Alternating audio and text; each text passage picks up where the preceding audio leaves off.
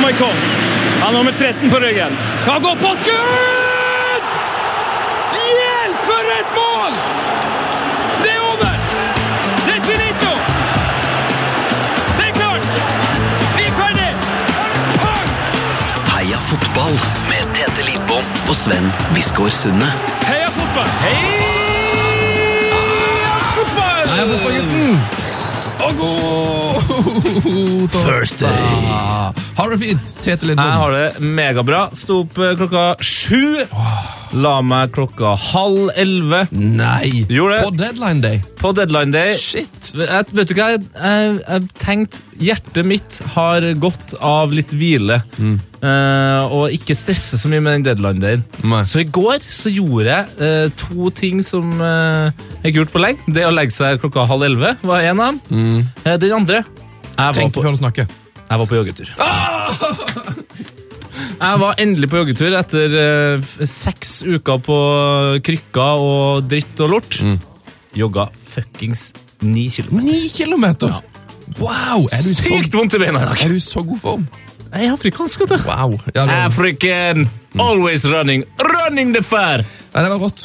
Eh, jeg kan si Du sparte nok hjertet ditt for mye trøbbel med å sitte oppe på den deadline din. For det, var mye stress på slutten der. Eh, Everton prøvde jo å kjøpe Moussa Sissoko, så plutselig kom har altså, Spurs inn fra sida. som jeg sier, jeg sto klokka sju, i dag, så jeg har Ah. fått med alt det her. Så du bare flytta stresset opp om morgenen? Nei, men det har jo ikke noe stress lenger! Da er det bare å lese et referat. Hvordan går det med det?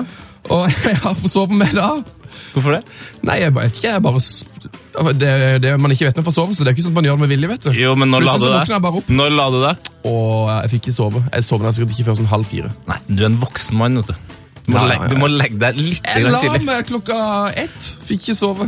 Må bare beklage. Elendig! Elendig! Skal vi ta imot uh, ukas gjest? Hva sa du? Skal vi ta imot ukas gjest? Ja. Oh yes. Oh, yes. Heia fotball. Heia fotball! Fotball. Ja, ja, ja, ja, ja, Ja, ja, ja, ja, ja. Dagens gjest, Lidbom. Mhm. Han er tidligere fotballspiller. Det stemmer. Det er ikke verst. Eh, En legende er det vel eh, stadig flere som kaller han. Han har vært med på et av norgeshistoriens største fotballklubbbragder. Mm, hvem kan dette være? Han har over 300 kamper i Tippeligaen, eh, 25 landskamp for eh, U-landslag for Norge. Jobber for tida i TV 2, der han annet har reist til Amazonas for å spille fotball. Det er snodig.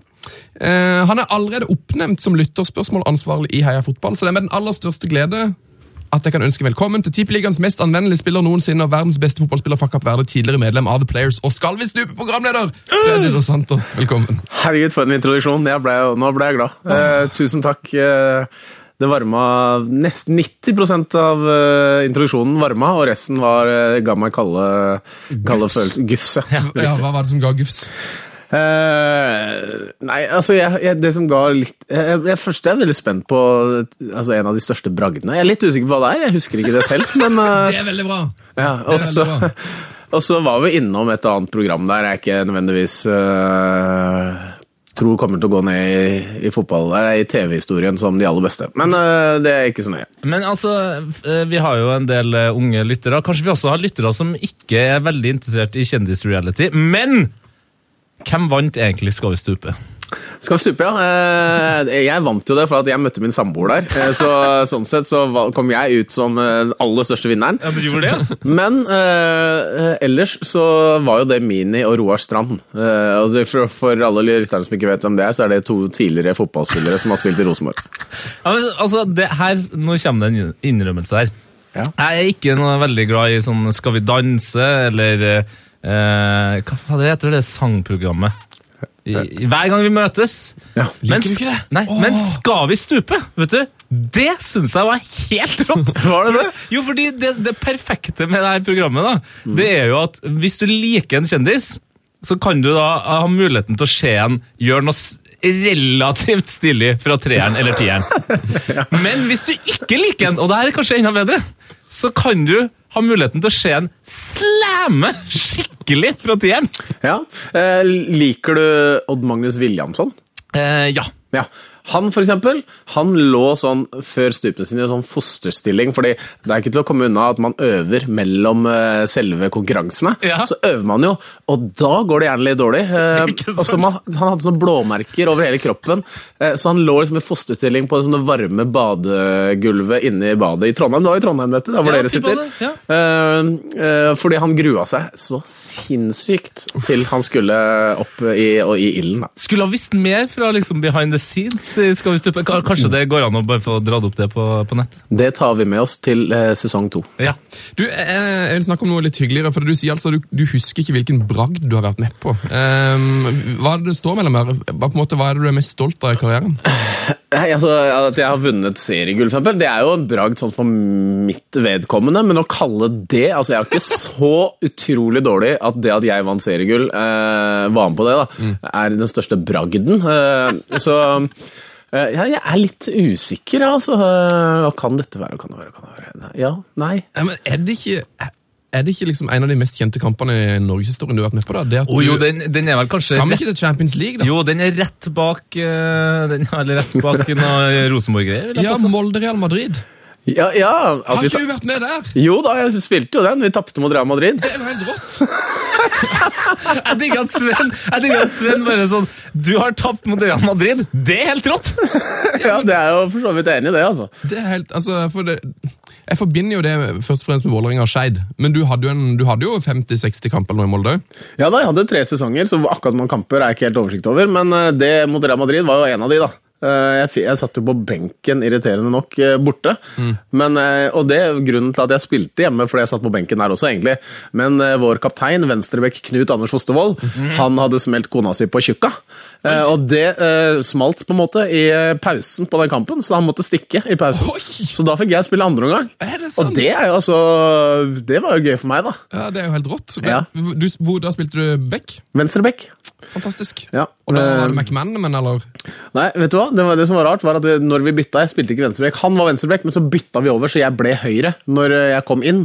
Og da var det De spilte jo knapt med kant, fordi jeg hadde jo Roberto Carlos på den venstrebekken sin. Så han var jo kant og ving og bekk og alt i ett. Så jeg møtte stort sett han, da. Og fikk drakta hans etterpå, som stinka vondeste jeg noensinne har lukta av eh, lukt noen gang. Fordi det var siste kampen i sesongen. Vi dro hjem. Jeg bare kasta den på baderomsgulvet, og så dro vi ut for en aldri så liten feirings. Eh, og så når jeg kom tilbake på natta Altså, det gikk ikke an å sove hjemme. Det lukta så vondt i hele kåken av den drakta. Ja, hvor, er det sånn Du har 28 grader på baderomsgulvet? Ja, det var nok det, er altså, Du veit, høsten, litt langt utpå høsten i Molde. Det er ikke, det er ikke varmt der, altså. Mm. Og det blåser og sånn, så jeg hadde nok på ganske mye på varmekablene. Ja, men så du, du har tapt mot eh, Real Madrid og Altså, jeg tenkte jo først Når jeg, når jeg hørte Sven eh, sa det, så tenkte jeg sånn eh, Ja, ja, det var jo når Vålerenga slo Besiktas, men da var vel du kanskje allerede i Molde? Ja, uh, ja det, nei, da tror jeg allerede nesten var tilbake. Jo, var det Skeid, kanskje? Etter, hva var det? Var det der, da? Ja, ja, var det kan være i Molde, altså. 98, ja. Ja, da, da var jeg i Molde. Det var første året i, i, i eh, Molde, det. Nei, men for det, jeg synes det liksom i sånn, nå Etter din karriere var over, så har det liksom blitt mer og mer snakk om at liksom du er sånn ja, du var, Freddy Valres han var ikke god, men han var liksom god nok, og han var sånn anvendelig og sånn. Utrolig nyttig spiller! Men du, har- du har spilt mot Real Madrid, du har spilt i Champions League, eh, og du har jo da altså Du har jo 25 U-landslagskamper. Du var jo et, du var jo så stort talent som alle snakker om, så jeg synes man liksom, det er jo på tide å trekke det litt opp igjen. Du var, du var jo god. Jeg har, jo, Si ja, altså jeg har jo skrevet en hel bok om at jeg var ganske god, eh, og det, er, det tør jeg stå inne for. Jeg hadde også en sånn Plan B-tittel som het uh, Freddy, altså verdens beste fotballspiller, men det ville vært løgn. uh, og jeg føler jeg traff uh, mer spikeren på hodet med den tittelen jeg endte opp med, altså ganske god. Eh, så jeg var ålreit. Og når jeg var yngre, eller da jeg var yngre, som det heter helt sånn riktig grammatikalsk, Så så, der, der, bor eh, vi jo. Ofte, men når og det da. Men, Ja. men vi går videre. Vi går videre. Eh, Da var jeg veldig god, altså. Jeg var det. Eh, altså, på russelua mi så sto det liksom Drillos 2000, for de andre hadde så troa på meg. Nå ble det aldri det, men jeg var jo såpass bra at de trodde det. altså. De jeg gikk på skole med, i hvert fall vennene mine, de aller nærmeste, trodde det. Ja, for Jeg husker det var sånn brus rundt eh, både det og Skeid en periode der. Eh, hvor liksom, her, her er det noe stort på gang. Ja, eh, Hvem som var i det Skeid-laget når du kom opp? det var det var da Dagfinn Enli, for eksempel. Eh, Morten Berre, Mike Kjøle spilte der.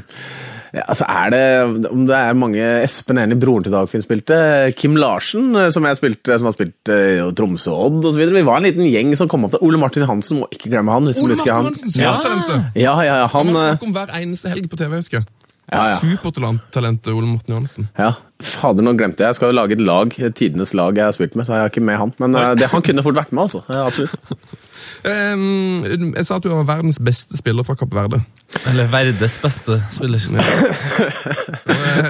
Og, og det, men det er ikke så langt ifra sannheten. Nei, altså, det, for jeg tenker jo det eneste Kapp Verde-affilierte fyren jeg vet om, eh, med unntak av Freddy, da, det er jo godeste Nani. Eh, Nå kan jeg komme med ganske mange som vil si at jeg, som dere i etterkant at jeg har fortalt dette, vil si ok, Freddy, du er ikke verdens beste spiller fra Kapp Verde. Fordi jeg kan ravne i fleng at eh, Henke Larsson er jo halvt kappverdianer som meg. Er det sant? Ja, eh, det er han. Eh, Og ikke minst så er eh, Patrick Vieira halvt kapverdiansk, halvt gambisk. Ok, så Nå begynner du å gå ned på lista. her. Vi tenkte det skulle være litt morsomt å sette deg over Nani, nemlig, men eh, det, det hjelper veldig Det litt. hjelper ikke. Uh, og så er faktisk Og dette er, dette er, jeg ikke, dette er jeg ikke 100 sikker på, Nei. men det det sies, er at uh, bestefore, en besteforelder av Cristiano Ronaldo er fra Kapp Verde. Og da havner jeg, jeg havner bak han, altså.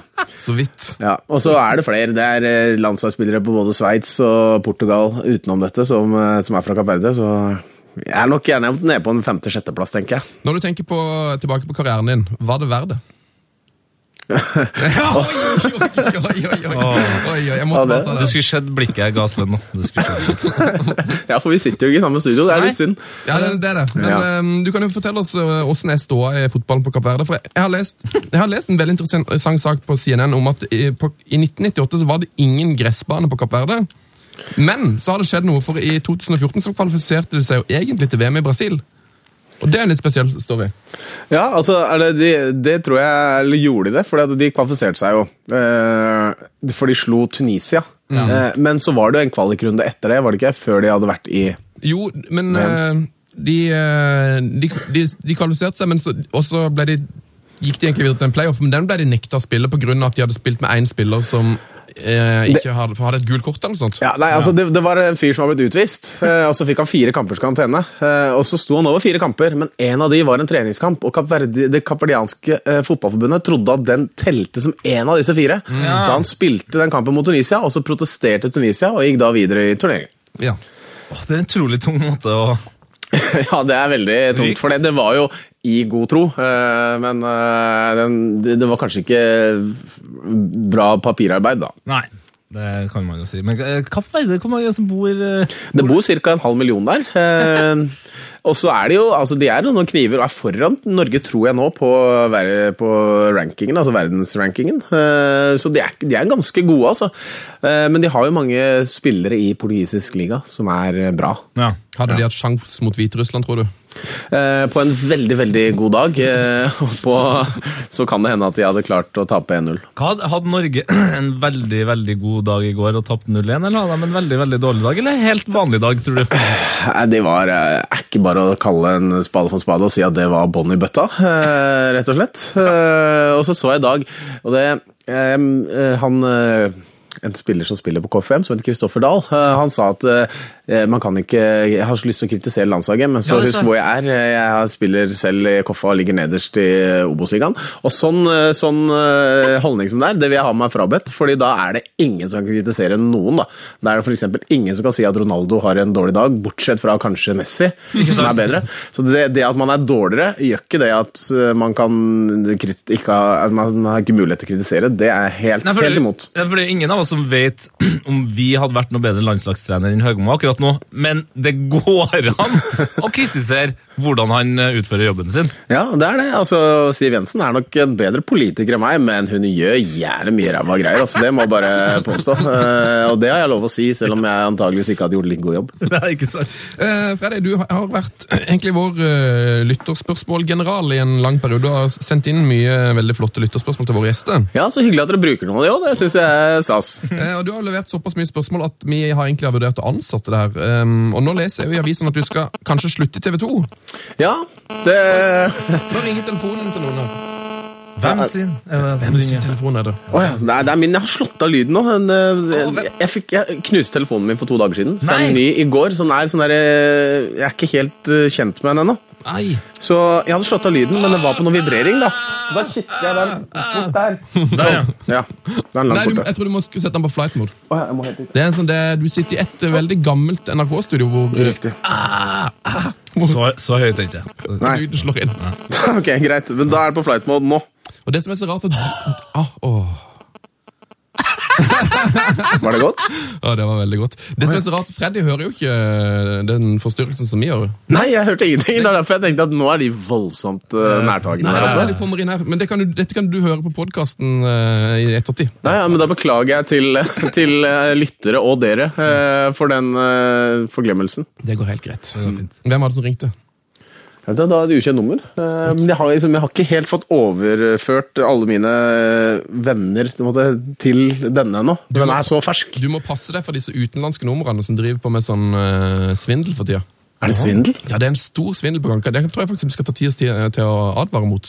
Det er sånn som, Jeg ble oppringt av de, så ringer de fra sånn no, nummer i England, og så sier de at de er fra sånn, at de er fra Hello, this is Microsoft Windows. Do you have Microsoft Windows? Og så bare sånn Hvem faen er det Yes. som har Og så er det visst noe med at det koster sinnssykt mye penger å snakke med dem. Så det er bare sånne, sånne folk som utgir seg for at de liksom Helt sånn random ting. da, som, Do you have sånn trekker penger fra liksom Do you have insurance? There seems to be a problem with your insurance. Og så koster det 35 kroner minuttet. Så hvis du ser sånn utenlandsk nummer du ikke kjenner Men hvis du er norsk det! Hvis du er norsk det ringer en fyr med en veldig britisk aksent og spør om du har forsikring på engelsk. så er det sånn, Du snakker ikke lenge med han. Nei, fordi det er litt sånn Ja, fader, kanskje jeg, når jeg var i London sist, ordna meg en forsikringsavtale Du gjør jo ikke det! Jo, jo, men altså, folk er hyggelige, ikke sant? Det er ikke alle som er så iskalde og beinharde som det. Dette bare legger på. Eh, Jeg, jeg var jo sånn Har jeg Windows? Ja, ja, ja. Og så er det noen på meg som bare Legg på! Legg på! Du har, du har Windows på jobb, ja, men du har jo ikke Det er fordi Windows, ja. du er sørlending, Sven. Ja. Dere sier jo ikke fra noe til noen. Dere blir sånn derre jeg, blir- jeg var så sur at jeg nesten sa det til han. ja. Og det er sånn Ja. Det er liksom den største, trus det er den største trusselen en sørlending kan gi deg. At, Ja. at, at du nesten gjør noe med noen. Jeg, ble, jeg, måtte, jeg måtte nesten si det til ja er, det, er det um, Jesper Mathisen du refererer til? her, Eller? Eh, ja. Ikke som en sånn type Han er vel som- unntaket som bekrefter regelen. ja. Og så har jeg en samboer også som pleier å si ifra, men uh, hun er fra Sørlandet. Uh, men utenom de, så er det veldig det er, Så er det jo sånn. Ja. Ja. Uh, vi vi snakka om lytterspørsmål før telefonen din tok over her. Ja, beklager, dette var min feil. Men ja, oss, det bringer oss tilbake. Uh, Men jeg leser nå i avisene uh, at du kanskje skal slutte i TV 2. Og vi har vurdert å ansatt, ansette det her i, her i fotball. men Vi har liksom ikke helt fått eh, kontrakten signert. Så vi lurer på, er du, er du ledig på markedet? Er du på vei til Heia Fotball? Kan du si noe om din framtid i medieverden? Nei, altså, folk holder jo alle sånne kort tett til brystet, men jeg er helt motsatt. Ja, jeg er ledig. Jeg er straks klar for Heia Fotball, og det er eh, er så deilig, da! Ja, men, men det her er jo, det er jo fordelen med å være eh, fri på markedet, er jo at selv om det har vært eh, deadline day, så kan du vel bevege deg egentlig akkurat som du vil. Ja, det er riktig, og nå ser jeg, nå har jeg ikke tenkt på det hittil, men eh, da jeg kom inn i dette studio, eh, som er ganske sånn, eh, det er et g- ganske gammelt studio, virker det som, det står et flygel her, jeg skjønner ikke hvorfor, skal jeg spille etterpå, jeg aner ikke. Det Men, syns jeg du skal. Det er Radioteatret bruker det til å lage masse greier, det studioet. ja, ok, ja, ikke sant? Men så ligger det tre papirer på, på bordet, det er det eneste. Er det kontrakten?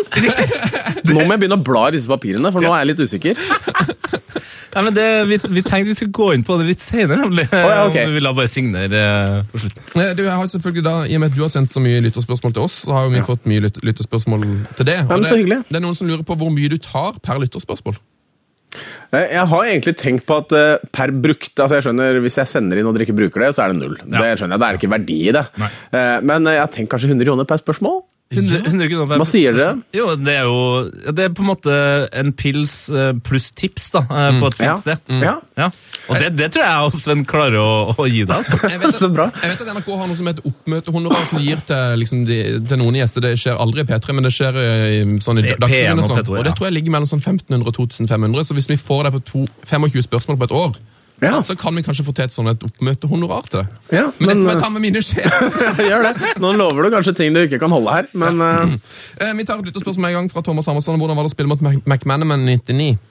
Eh, jo, det, altså han spilte Jeg spilte jo ikke, for han spilte bare hjemme bortekampen. Ja. Og da satt jeg på benken. Men eh, vi sleit jo som pokker, selvfølgelig. Vi hadde ett skudd i tverrliggeren på stillinga 0-0, og vi tenkte å herregud, Real Madrid borte er jo ingenting. Og så tapte vi 4-1. Eh, eh, men eh, det, var, eh, det var gøy. De var jo veldig, veldig, veldig mye bedre enn oss. Jeg husker vår trener eh, Erik, Erik Brakstad. Ja. Han, eh, for jeg satt eh, på benken eh, og prøvde å gjøre meg synlig for han, så han satte meg inn, men han gjorde aldri det. Men han sto framme ved sidelinja, og så hadde Roberto Carlos ballen. Og så drev han og ropte til spilleren vår, for vi ble tidvis spilt litt lave. Eh, Så ropte han 'kom opp i press', løp opp i press, og han vifta med armen. Og så flytta liksom hele laget seg over og lytta til treneren vår og, og kom liksom nærmere opp i press. Og så bare tok Roberto Carlos og dundra den ballen 60 meter, liksom en halv meter over bakken, helt over til motsatt side, og så var vi igjen 40 meter unna press. Og så så du Brakstad som bare 'kom igjen', kom igjen! Og så så han den pasningen, og så bare snudde han seg og så bare vifta han med hånda. Så, ja, greit, så greit. Og så gikk han og satte seg. Men vet du, den, den pasninga, den husker jeg faktisk. Du gjør det? Ja, for, ja, men det var sånn, På den tida så, så var liksom en av mine favorittting var å gå på en stor plen og stå og slå langpasninger med en kompis. Og etter den pasninga så var det sånn alle pasninger skal gå en halv meter over bakken. Altså, Det er det sykeste jeg har sett. Ja, altså det, det, ball, En ball som går fram, burde liksom enten stige litt før den faller, eller liksom gå langs bakken. Men Den her gjorde ingenting. Den bare steg halvmeter, bevegde seg 60 meter rett fram på en halvmeters høyde, og landa da akkurat på foten til han som sto der borte og tok den imot. Jeg har et uh, lytterspørsmål til her. ja. fra, på Twitter. eh, fra at TV2-Freddy. Det spørs om han kommer til å flytte, eller bytte navn. da. Eh, Ja. hva, hva, hva er det mest nedverdigende en lagkamerat har gjort med deg, Freddy? Ja, eh, Yes! ja det, det sendte jeg til meg selv. Jeg tenkte at eh, For dette vil jeg egentlig ta opp. Eh, eh, det, det var strengt tatt ikke mens han, denne spilleren var uh, min lagkamerat, men vi hadde vært lagkamerat tidligere og senere. og Det var Steffen Iversen vi snakker om. Og, ja. Uh, og han, Vi var sammen, spilte sammen på yngre landslag fra vi var uh, unge til sånn 23-22, et eller annet. Og så forsvant jo han ut til litt sånne klubber sånn i periferien, og så spilte jeg fortsatt i, i Vålinga da, eller i Vålinga på det tidspunktet. Og så skaffa han seg en familie i London, han skaffa seg kone og barn, og så skaffa han seg en hund. Og den hunden som er en liten, sånn her, litt sånn tjukk mops-aktig greie. Nei, nei, nei. Den kalte han Freddy. Nei! jo. Og så hadde han, eh, fordi Steffen Iversen hadde en tredemølle hjemme, eh, og så satt han, for mopsen til eh, Steffen ble veldig tjukk, og så satt han mopsen sin på eh, tredemølla for å trene. Så han sendte et bilde av mopsen sin på tredemølla, som han drev sånn Løp av Freddy. Kom her, Freddy. Kjappere nå, Freddy. Kom igjen, Freddy. Og det føles veldig nedverdigende. Det skjønner jeg. Ja. Men, men det er også, det er også ekstremt at, av en profesjonell fotballspiller å ikke gidde å gå tur Ja, det med hunden sin, men å sette den på en tredemølle. Det er helt riktig. Det er dette jeg vil fram til. At det var ikke meg det er noe gærent med, det er Steffen det er noe gærent med i dette tilfellet her. Det var det jeg ville si. Tenk nå, og så må du tenke på de gangene som ikke han filma, hvor nå Freddy bæsjer på tredemølla, Nei. og med en fart på 16 km i timen, bæsjen slynges ut i rommet, og pop, eh, popstjernekona til, til Steffen kommer inn og sier Steffen, skal du plukke opp etter Freddy? Det har skjedd. Å, fy Ja, fader. det er sikkert Å, det. fy fader. Det er helt riktig. Men eh, du, du, har jo, du har jo et eh, hus. Har ikke du vurdert å få deg en sånn, um, sånn hva heter det, stuegris? Eh, Kall han for Steffen? Jo, det vurderer jeg. Det hadde ikke vært for at jeg er så utrolig allergisk. Ja, du er allergisk, men, Du er jo allergisk! men er ikke griser liksom noe minst av eh, Ja, jeg har ikke vurdert gris ennå, eh, så det kan hende at det blir løsningen min. ja, altså, nå, nå tråkker jeg i et minnefelt der, men jeg tror at eh, folk som er veldig allergisk mot katt og hund, eh, nemlig ordne seg som stuegris fordi at man ikke kan være allergisk mot dem. Det er noe jeg tror. Ja, ja, det er noe med busten er visst veldig, ja, veldig bra. Ok, men jeg, jeg, jeg googler det i så, så fall før jeg går dit. Jeg tar ikke deg bare på ordet. Nei, ikke gjør det. Vi tar et lytterspørsmål fra Andreas Trøen. Ja. Mm, ta historien om Røkke og Selina. Å, nei, jeg kan ikke Skal jeg det? Ja, jeg, jeg, Altså, jeg har ikke peiling på hva det her handler om.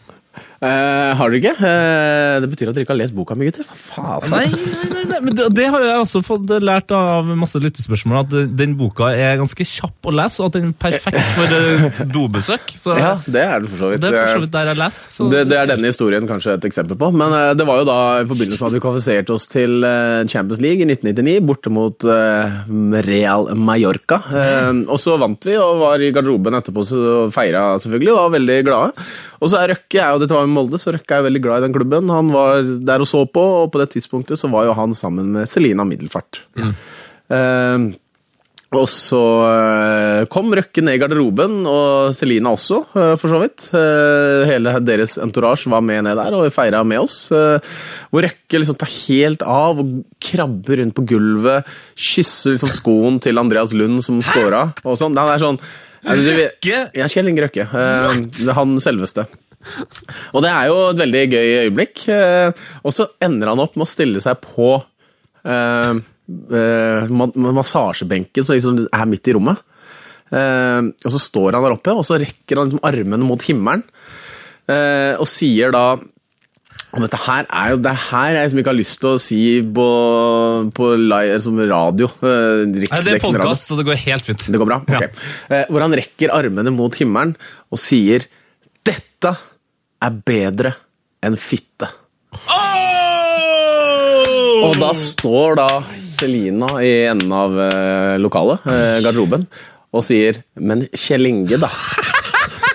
Eh, og det er eh, ja. Oh, nå ble jeg det er, svett det er inni historien ja. Og jeg prøver, jeg prøver bare å Jeg prøver å kanalisere det sånn at det hø, altså jeg hører det på moldenserdialekt. Ja. Skjønner du hva jeg mener? ja jeg, jeg, jeg ga meg ikke til å prøve meg på det, altså. Det var sikkert like greit. Eh, Men for en fantastisk historie. For Kjell Inge Røkke er jo veldig sånn, en veldig privat person sånn i media, så det er jo det er jo ikke så ofte at oss Ja, og eh, her blir det sakssøksmål, vet du. Her kommer jeg til å slite fælt. Men på den tida der også var altså, det, det var jo kanskje Ole Gunnar Solskjær var den eh, kjendisen i Norge som var større. Altså, han var jo enorm på den tida! Ja. Han var eh, overalt. Ja, absolutt. Jeg kan si en annen som han, han vokser litt igjen. Kan jeg få en annen historie om Røkke? Ja, ja, for det var 16. mai et eller annet år. Vi spilte da 1999, kanskje. et eller annet. 98 kan det ha vært. Eh, Som vi spilte kamp hjemme i Molde. Eh, Og så ville jeg og noen andre veldig gjerne hjem til 17. mai med familien vår i Oslo. Mm. eh, Pål Lydersen skulle forresten til Kristiansand, men Kjell Inge Røkke skulle da fly fra Molde til Oslo. Eh, Hvor vi får sitte på med hans privatfly. Eh, perfekt etter kampen, ikke sant? Inn i flyet der, av med skoene, på med noen tøfler, få noen kanapeer, sette seg i disse ja, ja, ja. sk- skinnstolene. Det var eh, helt nydelig. Altså, strålende fly, veldig hyggelig selskap. Kjell Inge Røkke var helt mester. Alt sånn. Funka. Og så kommer piloten ut, han har bare sånn engelsktalende crew. eh, Så han kommer ut, og så sier han sånn Kjell Inge, Mr. Røkke, please, can I talk to you? Og så og så sier han, hører vi som overhører at han sier eh, The plane doesn't start. Hæ? Bare hæ? Eh, Så bare, Hva mener du? liksom? No, the plane doesn't start, sier han eh, piloten. da. Og Kjenner Røkke syns sikkert at det hadde vært veldig pinlig at okay, vi får ikke dratt liksom, alle Nei. gjestene mine. For det var jo noen sånne fancy noe Noen viktigere folk enn oss der også. Noen finansfolk som også var med. Og, så, og så sier Kjell Inge da Ok. Og så begynner han å brette opp ermene sine. Nei! Og så går han inn i et skap, og så henter han ut noe verktøy. Og så går han ned av trappa på flyet og bort til eh, motoren, eller et eller annet sånt. Hæ? Og så begynner han å skru. Begynner han å skru på sitt eget privatfly? Ja. Og så gjør han, så står han der litt, og så mekker han litt, kanskje i fem-ti minutter, et eller annet sånt, og gjør et eller annet inni der. Og så kommer han ut igjen, så sier han til piloten eh, eh, Try now. Eh, og så fyrer piloten i gang flyet, og det starter. Og vi av gårde som ei kule gjennom skylaget og opp og ned lander i Oslo. Uh, og det er Jeg har ennå ikke til den dag, eh, dags dato funnet om det var gimmick. Eller om det var reelt. Om det var bare sånn Nå skal jeg sånn, få gutta her til å tro at jeg faktisk bare skrur i flyet mitt og er ordentlig mann, liksom. Ja, ja, ja. Eller om det var bare at han bare gjorde det, og det var helt rått. Jeg vet, jeg vet ikke hva jeg syns er råest. Altså, jeg, jeg, jeg må påstå at hvis det var rigga, så er det også forbanna rått. Liksom. ja, det er det. Eh, Jeg tror, men jeg tror, jeg tror nesten det må være rigga, jeg kan veldig lite om fly, men jeg ser for meg at det er ulovlig å mekke på eget fly. altså. Jo, jo, inn, men- eh, Men du vet jo at Kjell Inge starta altså med to tomme hender og en fiskebåt, og så sant, måtte han mekke og skru, så han har jo, han har jo peiling, denne mannen, altså. Kjøpte jo sin første reketråler da han var 14. Altså. Ja, så var det noe med at den brant, og så måtte han fikse ny en, og det var, eh, det var noe greier, altså. Ja. ja. eh, så nydelig. Jeg nevnte at du har vært i Amazonas og spilt fotball. ja. Det ja. Det, er- det er det ikke så mange som har vært. Nei, eh, og det var, eh, det var jo helt fantastisk. Eh, Vi var jo med Regnskogsfondet i forbindelse med VM i Brasil i 2014. Så fikk jeg være med på tur til, til en, en urbefolkning som heter Panara-folket, som er, bor midt ute i Amazonas. Du flyr jo bare fra en liten landsby, så flyr man bare over skog i to-tre timer, og så er det en liten lysning som eh, er eh, landsbyen. Og der er de veldig, veldig glad i fotball. Eh, De var, de var ikke oppdaga for 40 år siden, så det er helt sånn ny De visste jo ikke hva fotball var for 40 er år siden. Ja, ikke sant? Eh, Så nå spiller jo de kamper mot eh, nabolandsbyer, og ikke minst så spiller også eh, kvinner fotball. Og derfor vi dro akkurat dit, for der er de så opptatt av fotball og av det brasilianske landslaget at når det var VM, så hadde de fått sitt eget aggregat liksom flydd ut til midt ute der, så de hadde storskjerm hvor de fulgte kampene. Eh, og det var veldig veldig gøy. Og jeg fikk være med å spille kamp. Eh, de hadde et, eh, Nå kom ikke landsbyen mot, mot Eller nabolandsbyen kom ikke fordi de skulle være med på en kamp mellom landsbyene. Så vi hadde spilt hele kamp mellom de to lagene som er i denne eh, landsbyen. da. Det er jo 300 mennesker som bor der. 400 kanskje. Eh, Så de har et lag, så er det gamlinga mot unge, og jeg var med på det gamle. Vi tapte. Dere tapte, ja. Ja. Men det der høres ut som noe av det liksom, eh, fineste og morsomste du har gjort eh, mens du har jobba i TV 2. Men eh, vi har fått et lyttespørsmål fra Christian her, Ja. som spør hva er det verste Skau og Aune har fått deg til å gjøre? Fordi de har jo kjørt deg ganske hardt opp igjennom. Ja, og det starta egentlig her i P3, eh, Ja. på FK Fotball i sin tid, hvor vi hadde veddemål. Eh, og det, var, det kom jeg veldig ofte godt ut av. Eh, endte med denne boka til slutt. Men, eh, eh, og så fortsatte vi jo da noen ganger i TV 2. Eh, og det var jo Altså, det verste var jo EM 2012. Eh, hvor jeg ble, var utsendt reporter til Polen og Ukraina, og de hadde ja, jeg våkna hver morgen med, en tekstmelding. Eh, Det stemmer, det der, ja! Åh. så jeg ikke visste hva jeg skulle gjøre. Eh, Og av de så sier jeg at eh, 60% var eh, Eller 40% av gangene så våkna jeg til en eller annen Oi, det blir kult å gjøre! Og de 60 resterende prosentene så var det sånn herre Nå har jeg lyst til å dø istedenfor å gjøre dette. Og det aller verste tror jeg må ha vært Jeg kan, jeg kan si Det er to som er verst. Det ene Ja. var da jeg skulle bygge en bro mellom norsk og ukrainsk kultur. Så jeg skulle dra hjem til en familie. Det der, det der! Ja. Og så skulle jeg først skulle jeg, skulle jeg proklamere et dikt. Altså, nei, jeg skulle lese Per Gynt. Altså, skulle liksom virkelig stå der og lese Per Gynt til disse. Eh, og så skulle jeg eh, synge en eh, Nei, jeg skulle drive en sånn dans. Tradisjonell norsk folkedans. Skulle jeg da vise i stua der.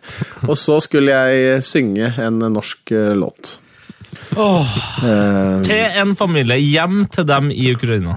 Ja, det Det var ganske. Ja, det var pinlig, altså. Uh, Og det var Det skal jeg gjøre i pausen på kampen. Vi du hadde fulgte Ukraina mot et eller annet Jeg husker ikke hvem det var i farta. De, de møtte jo Sverige og England, sånn. det var, det var en av disse. Og så den andre var at jeg måtte dra på pressekonferansen til Ukrainas landslagssjef og stille han et spørsmål eh, på ukrainsk, eh, som jeg hadde to timer på å lære meg, og som var veldig pinlig. Og jeg måtte si 'ærede trener, Gud være med deg'. Jeg heter. Freddy Dos Santos, jeg er 44 år. Av en eller annen grunn så måtte jeg si det. Jeg var 35, men eh, jeg må si jeg var 44 år. Og at eh, eh, jeg er den tidenes beste spiller fra Kaberde, som vi allerede etablert at det var jeg ikke. Eh, Så det var jo løgn. Eh, eh, Og så skulle jeg spørre, stille spørsmålet om eh, fotball bør spilles med tre eller fire forsvarsspillere. Eh, og det er liksom 250 journalister, 50 kameraer som peker mot meg. Jeg reiser meg opp, og så stotrer jeg fram. vet du, Så midt i setningen, for jeg hadde jo pugga dette her, da. Ja. Midt i setningen så glemmer jeg Mister jeg tråden litt, for jeg blir bare Jeg har jo 150 puls. eh, Og da Eh, da var det Eh, Da er jo sånn Det er jo så pinlig. Jeg måtte se ned på arket liksom, og lese opp. Og så, og så det aller pinligste var rett etterpå også, for det er jo en internasjonal pressekonferanse. Og de, de nei, Ukraina skal spille mot England den dagen. Dagen etter. Eh, Så det var så sinnssykt mange engelske pressefolk, så alt måtte oversettes til engelsk. Nei. Så det sitter en fyr ved siden av blokken som sier um, The journalist says God be with you, honorable coach. altså, altså bare I am 44 years old and the, ah, det, er så, det, er så, det, er, det er så pinlig. Jeg står liksom der og venter på at dette bli ferdig. Så svarer han for så vidt nå. Altså, det er- det er noe med å liksom eh, dra til et land eh, som Ukraina, da, som eh, sikkert veldig der og da megastolt over å være med og drive EM, og de eh, har laget sitt spille der sjøl, og så drar du hjem til en ukrainsk familie og plager dem i pausen, og så drar du på pressekonferanse og plager treneren. Altså, det, Jeg har ikke dratt tilbake. det har du ikke, da. Nå jobber du eh, med Tippeligaen i TV 2. Ja. Eh, er det deilig at det går bra med VIF igjen? Jeg har snakka med en kollega av deg som har sagt at du har fått en del pepper fra annet Rekdal, og sånt, for du har jo måttet kritisert VIF en del Ja. sesongen. Jeg skulle jo ønske jeg slapp det, men det er jo den aller aller eh, vanskeligste delen av min jobb. er jo å, At Vålerenga har gjort det. da. Nå gjør de det veldig bra, men at de har gjort det såpass dårlig over tid, egentlig. Og når vi som har møter hver tirsdag i, i redaksjonen, så er det jo sånn Ja, Vålinga var eh, dårlig i helgen. eh, Vi må snakke om det neste helgen. Eh, Freddy, hva er det som skjer i Vålinga? Og jeg, så, altså, Det blir sånn min oppgave å, å snakke om Vålerenga, for det er jo jeg som kjenner til den klubben best. Og da, når det går dårlig, så er det utrolig kjipt å drive og snakke ned min egen klubb. Mm. Så det har vært eh, kjipt, og jeg har fått lange, ganske detaljerte tekstmeldinger fra Kjetil Rekdal om hvor idiot jeg er. Ja, jeg er det. Ja, for han, han, han, han klarer liksom ikke å si sånn det der var unødvendig. Han må forklare deg hvorfor. Hvorfor da unødvendig? Ja, Eh, ja eh, han gjør det. Men eh, greia er at han er jo han, Jeg skjønner jo at han irriterer seg over å få kritikk, men at det Vålinga har levert over en viss periode er kritikkverdig, det tror jeg han ser selv også. Men Derfor så er det jo veldig deilig å se nå at de er veldig gode. Eh, for det er de nå, og det er kult. Jeg tar et, et spørsmål til om, om jobben din, og um, det er, kan si at det her har vi fått fra Helene Husvik, eh, Nei, yes. som, som er din kollega. Ja. Eh, Og Hun eh, sier at du hun, hun liker veldig godt å jobbe med deg, og du er veldig engasjert, men du har et problem at du, det er veldig ofte at du kanskje ikke får med deg mål i de kampene du egentlig skal følge. Ja, jeg har noen sånne Chris Camara-øyeblikk. og det er Takk, Lene.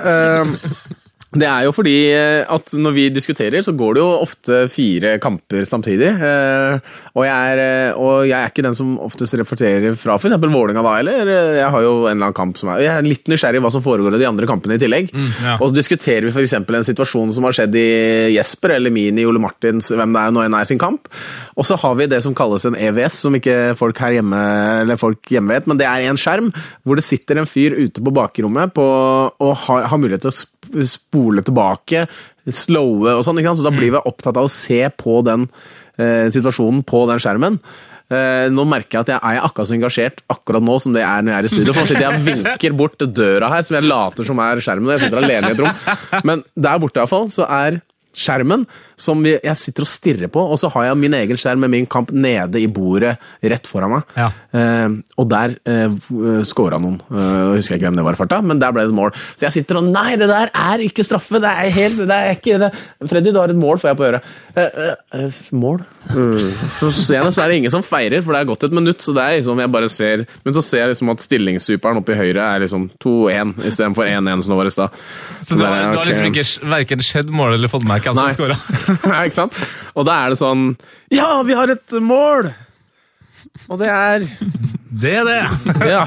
Men er, men er du litt sånn, du sier at du er så opptatt av det de andre. Er du en sånn type som eh, drar på restaurant eh, sammen med masse andre folk, og så, og så er du egentlig mest interessert i å spise den maten de bestiller? Uh, ja, ja, altså ikke med mange andre, men sier jeg at jeg drar med samboeren min, så jeg nekter, jeg nekter totalt at vi spiser det samme.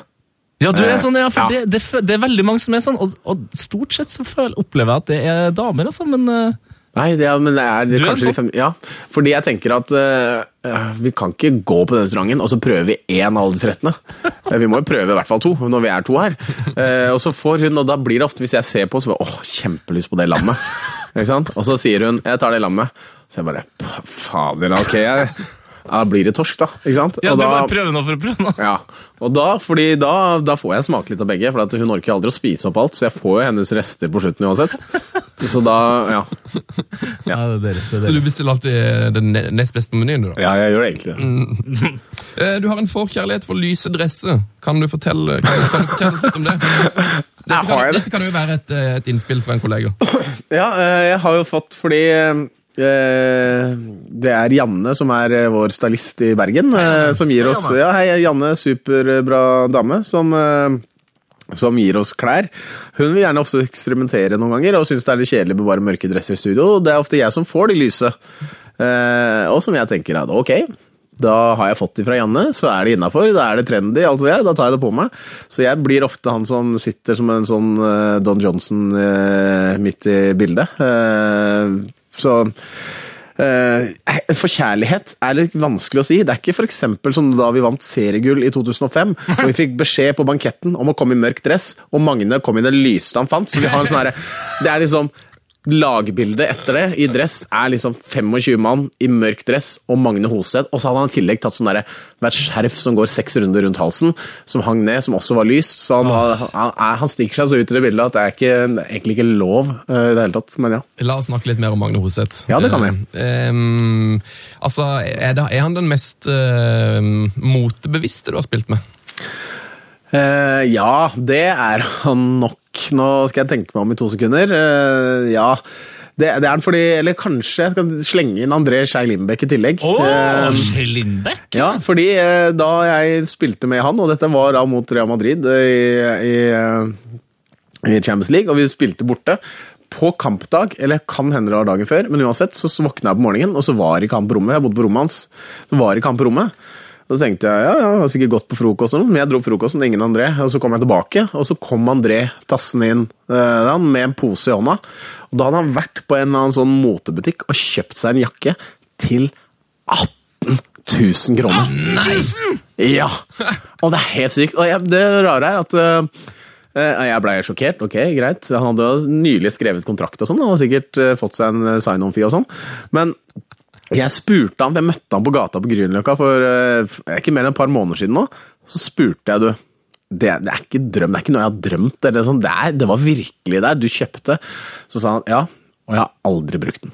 Aldri brukt den. Altså, Det var en så spesiell jakke at du må være spesiell for å gå med jakka. Altså, det, og Ja, det var det en sånn dressjakkejakke, eller? Nei, det var, ja, det var liksom litt sånn skinn litt her og litt der, og litt mønster og litt logoer og litt Å, ja, sånn, sånn, sånn, sånn klassisk eh, sydeuropeisk eh, liksom dieseljakke. Altså, sånn, Ja, ja, det, tenk det skjer utrolig mye greier på jakka, liksom. Ja, det skjedde, det skjedde veldig mye på jakka. Men jeg, tror, jeg tror jeg vet hva som har skjedd, for jeg har en kompis som, eller en bekjent jeg vil bare si, som kjøpte seg jakke til sånn 12 000 spenn i Paris en gang. Og han gjorde det på pur F, for når han kom inn i butikken, så ga han der, eh, han som jobba i butikken, ga han det der blikket sånn Hva gjør du her?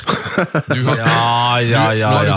altså, du har ikke råd til å kjøpe noe her. Og det var sånn Nå skal jeg faen meg vise deg. Nå skal jeg så skal jævlig kjøpe den Ja, dyreste skal den. Jo, det skal jeg! Ja, Greit, det er 12 000 spenn, det. Selvfølgelig! 12 000 spenn! Det som, det som skjedde med Lindbekk.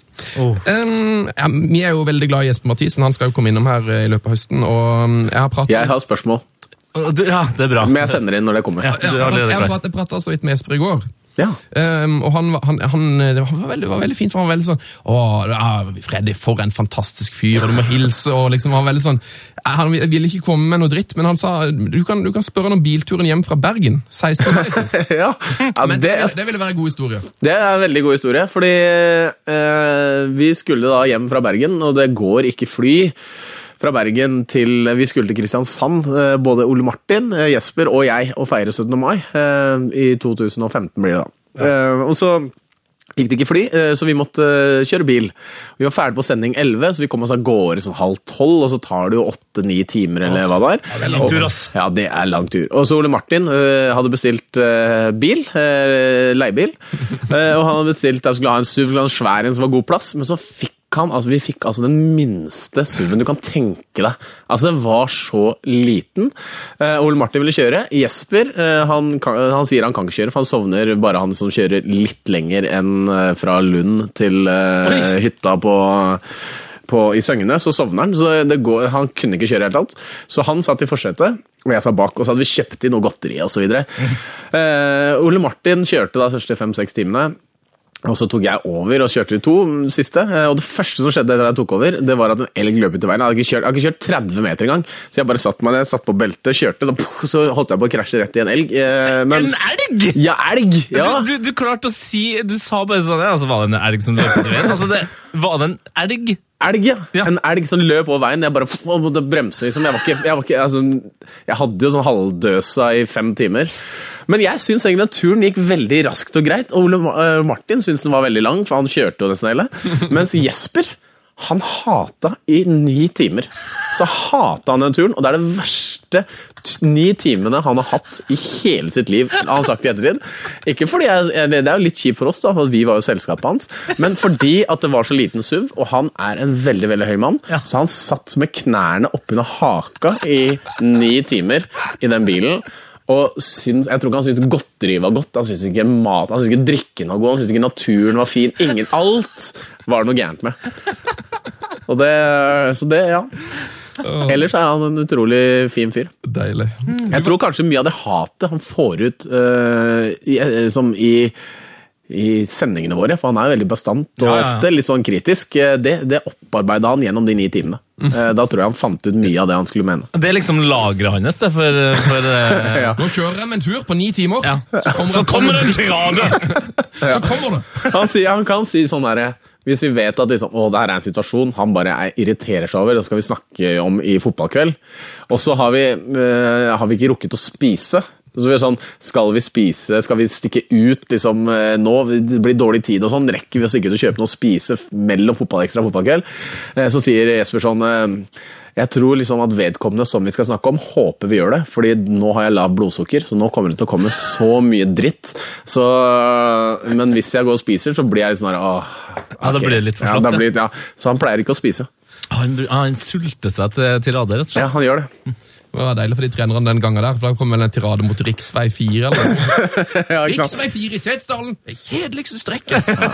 Du, du var innom hytta til Jesper, Ja. Ja. eh, og jeg så en, altså, en fantastisk Instagram-video eh, fra hytta ja, er hans, der dere to er ute og kjører eh, vannskuter. Ja, altså det er, det er strengt tatt ikke på hytta, for det er ute på det verftet. Vi var på en sånn seminar med, men det er litt utafor, det er bare 20 minutter fra hytta hans. Okay. Men han hadde vært ned inne og henta vannskuteren sin eh, og kjørt ut. Og så står vår kjære, kjære kollega Davy Vatne står og fisker.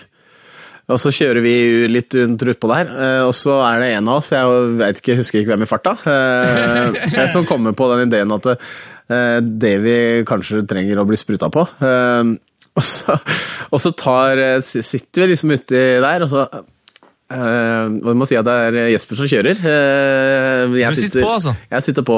Og så kjører vi sånn sakte inn mot eh, Davy. Vi roper liksom litt og sånn forklarer at vi er der og at vi bare hilser på noen. Og så plutselig så setter Jesper noe sinnssyk fart på, og så svinger så hele han blir, Davy blir dusja, dusja ned uh, av denne spruten.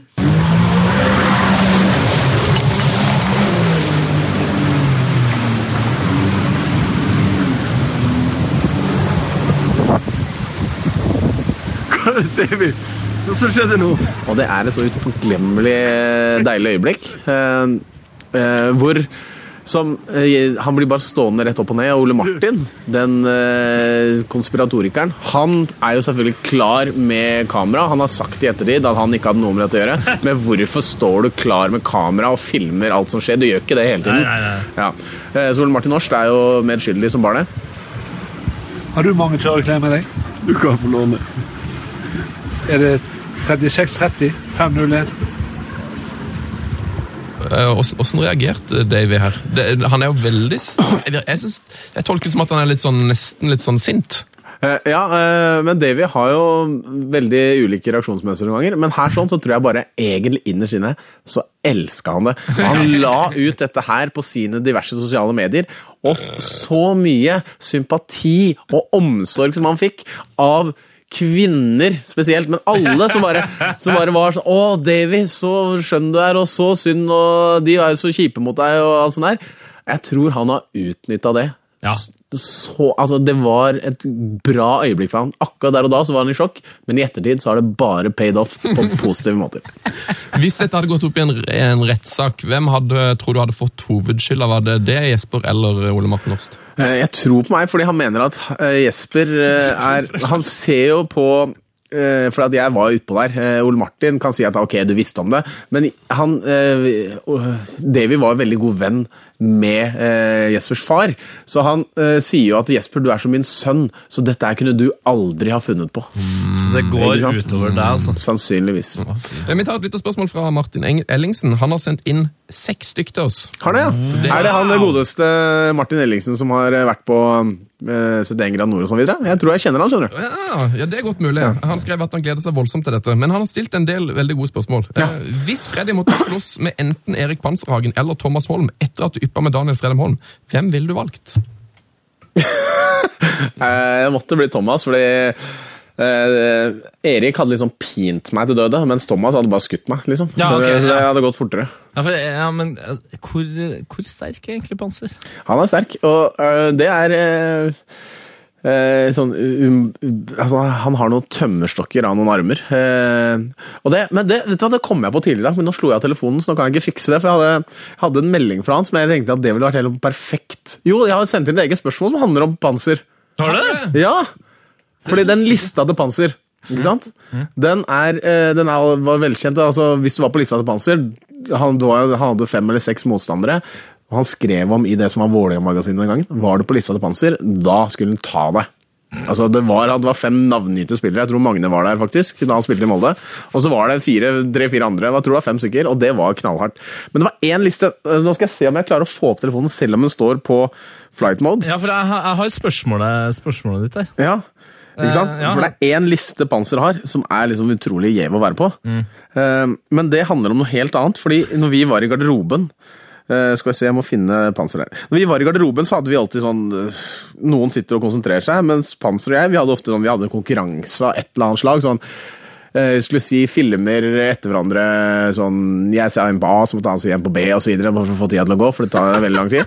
Og så går vi utover, og vi kunne si band, for eksempel, men det var ikke så bra. For er- Panser godtar bare to band, og det er bare Garth Brooks og, og Elvis. Eller to artister. Selvfølgelig er det Garth Brooks! Ja, Det er de to eneste som er godtatt som uh, musikkartister. da, Til nød kanskje Cliff, Cliff Richard, men ellers altså, jeg, kunne ikke ha musikk, måtte ha filmer. Men en dag så var det sånn, så snakka vi om hvilken liste han ville sendt ut dersom uh, måtte, jorda var under angrep av aliens. Hvilke ti ville Panser sendt ut for å beskytte jorda? Å, herre. Ikke sant? Det er ti personer. Når første liksom har gjort sitt, så kommer neste inn, og så er det et nedtelling fra ti til én. Ikke sant? Så den siste skal liksom bare komme inn og sånn pepre dem, og da stikker de av gårde. ikke sant? Og det er en helt nydelig liste, og den har jeg her, for jeg fikk opp dette på telefonen. Ah, Nydelig. Ja, Og da blir det fra ti og nedover. Eh, nummer én, eller ti, Rambo.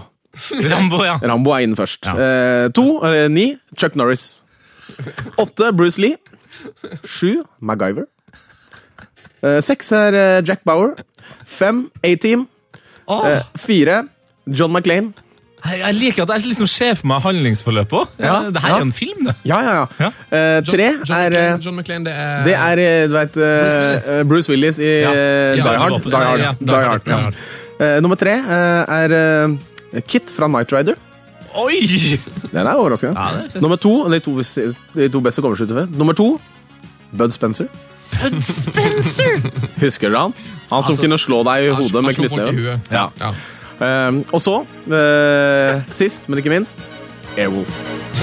Airwolf er altså siste, og det syns jeg er den beste lista han har. Da skriver han bare 'Bye Bye Aliens'. Der. Herre min, for en liste. Det er en bra liste. Ja. det er utrolig bra konsept for listelaginga. listelaging òg. Jeg hører at dere var pros på det her. Ja, vi hadde mange kamper sammen, så vi satt jo sånn i hver eneste, hver eneste kamp i mange, mange år.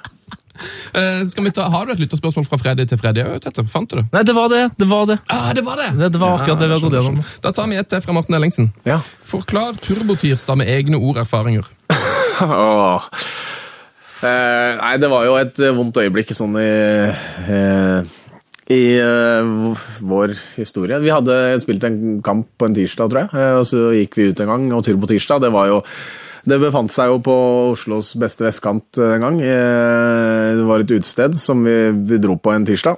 Eh, Og Hver tirsdag. så vidt Ikke hver. Jeg var ikke der eh, veldig mye. Men Vi hadde vi Hulsker innom her, og da var det noe- Iversen og Hulsker og sånn, de var der. ja, jeg kan hende jeg var der noen ganger, jeg òg. Men den ene dagen så var det altså superfint vær, og det var smekkfullt. Og jeg hadde vært på en familiegreie, så jeg kom litt etter de andre. Og så var det Vålerengas hockeyspillere, Vålinga fotballspillere osv. Den dagen så datt sjampo ned fra andre etasje til første etasje og brakk armen, husker jeg.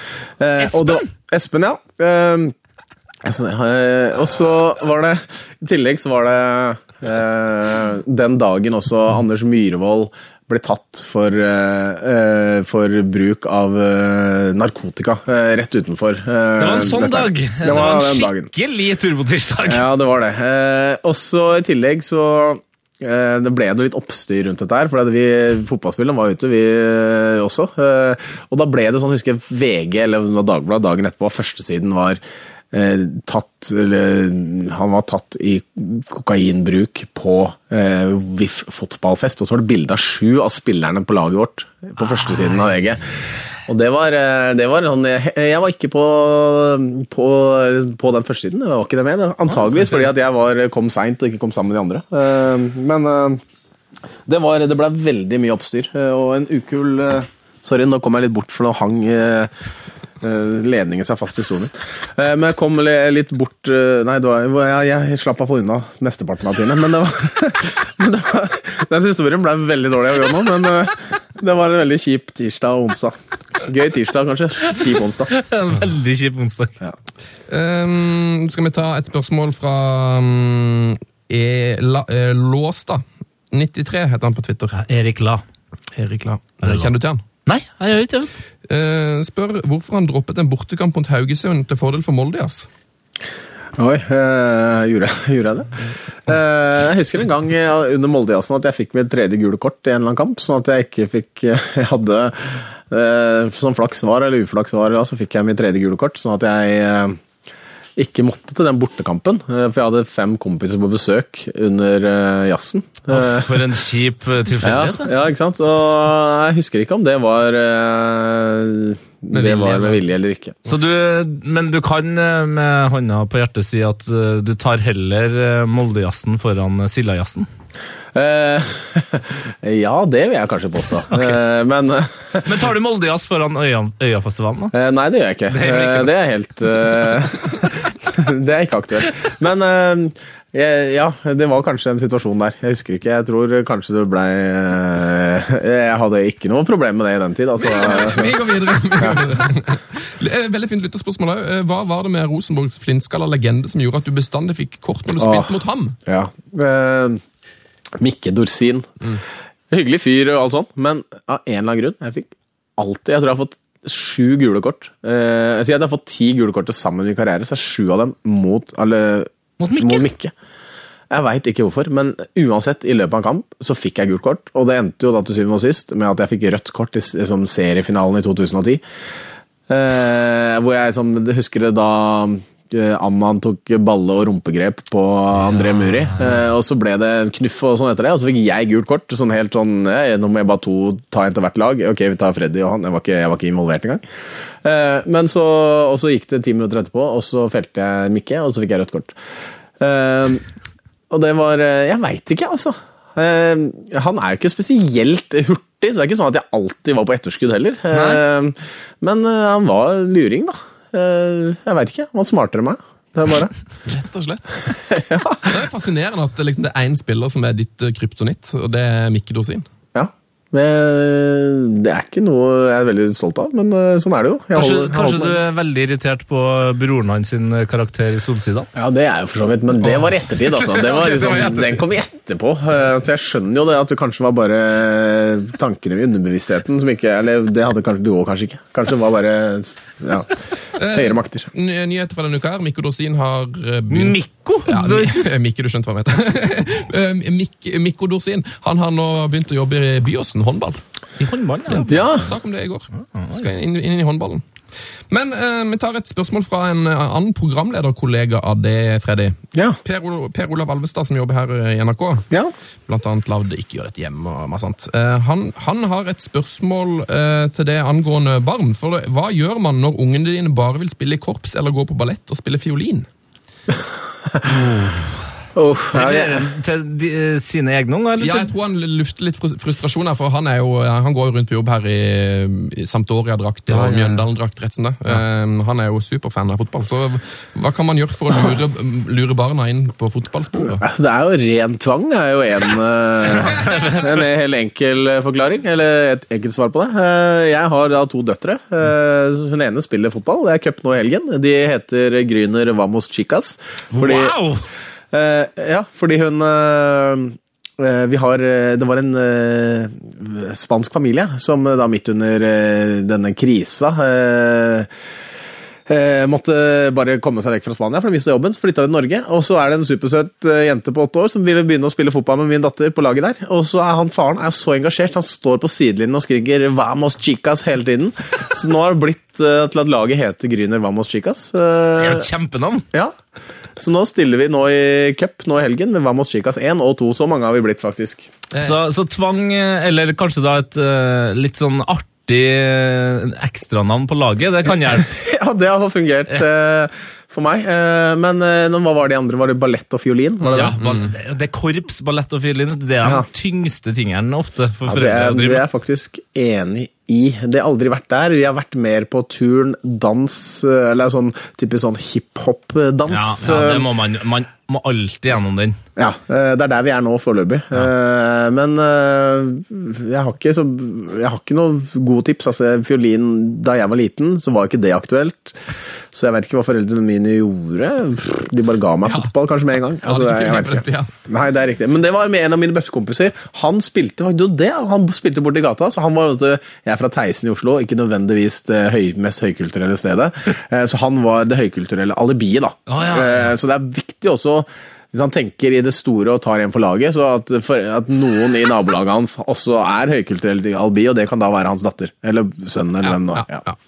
Eh, vi, skulle, vi har masse flere lyttespørsmål, jeg vet ikke om vi, vi rekker alle. Men vi, kan, kanskje vi kommer tilbake med flere eh, etterpå. Men nå dette! Heia fotball! Å ja da. Å ja da. Eh, det er klart for eh, ukens drømmelag. ja. Eh, dette er da spalten hvor gjesten tar med seg elleve eller flere spillere som de mm, er glad i. Mm.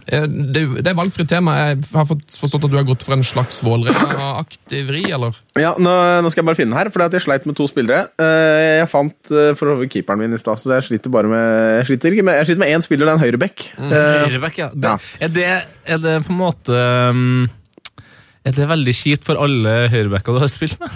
At du rett og slett har problemer med å finne en høyreback? eh, ja, det kan du kanskje si. Eh, Nå har jeg bekledd den rollen selv, eh, men Det er eh, lov å ta med seg sjøl. ja, jeg, tenker, jeg har tenkt på det, da. Ja, okay. Ikke sant? Eh, Men jeg holder den litt åpen. Gjør det. Ja.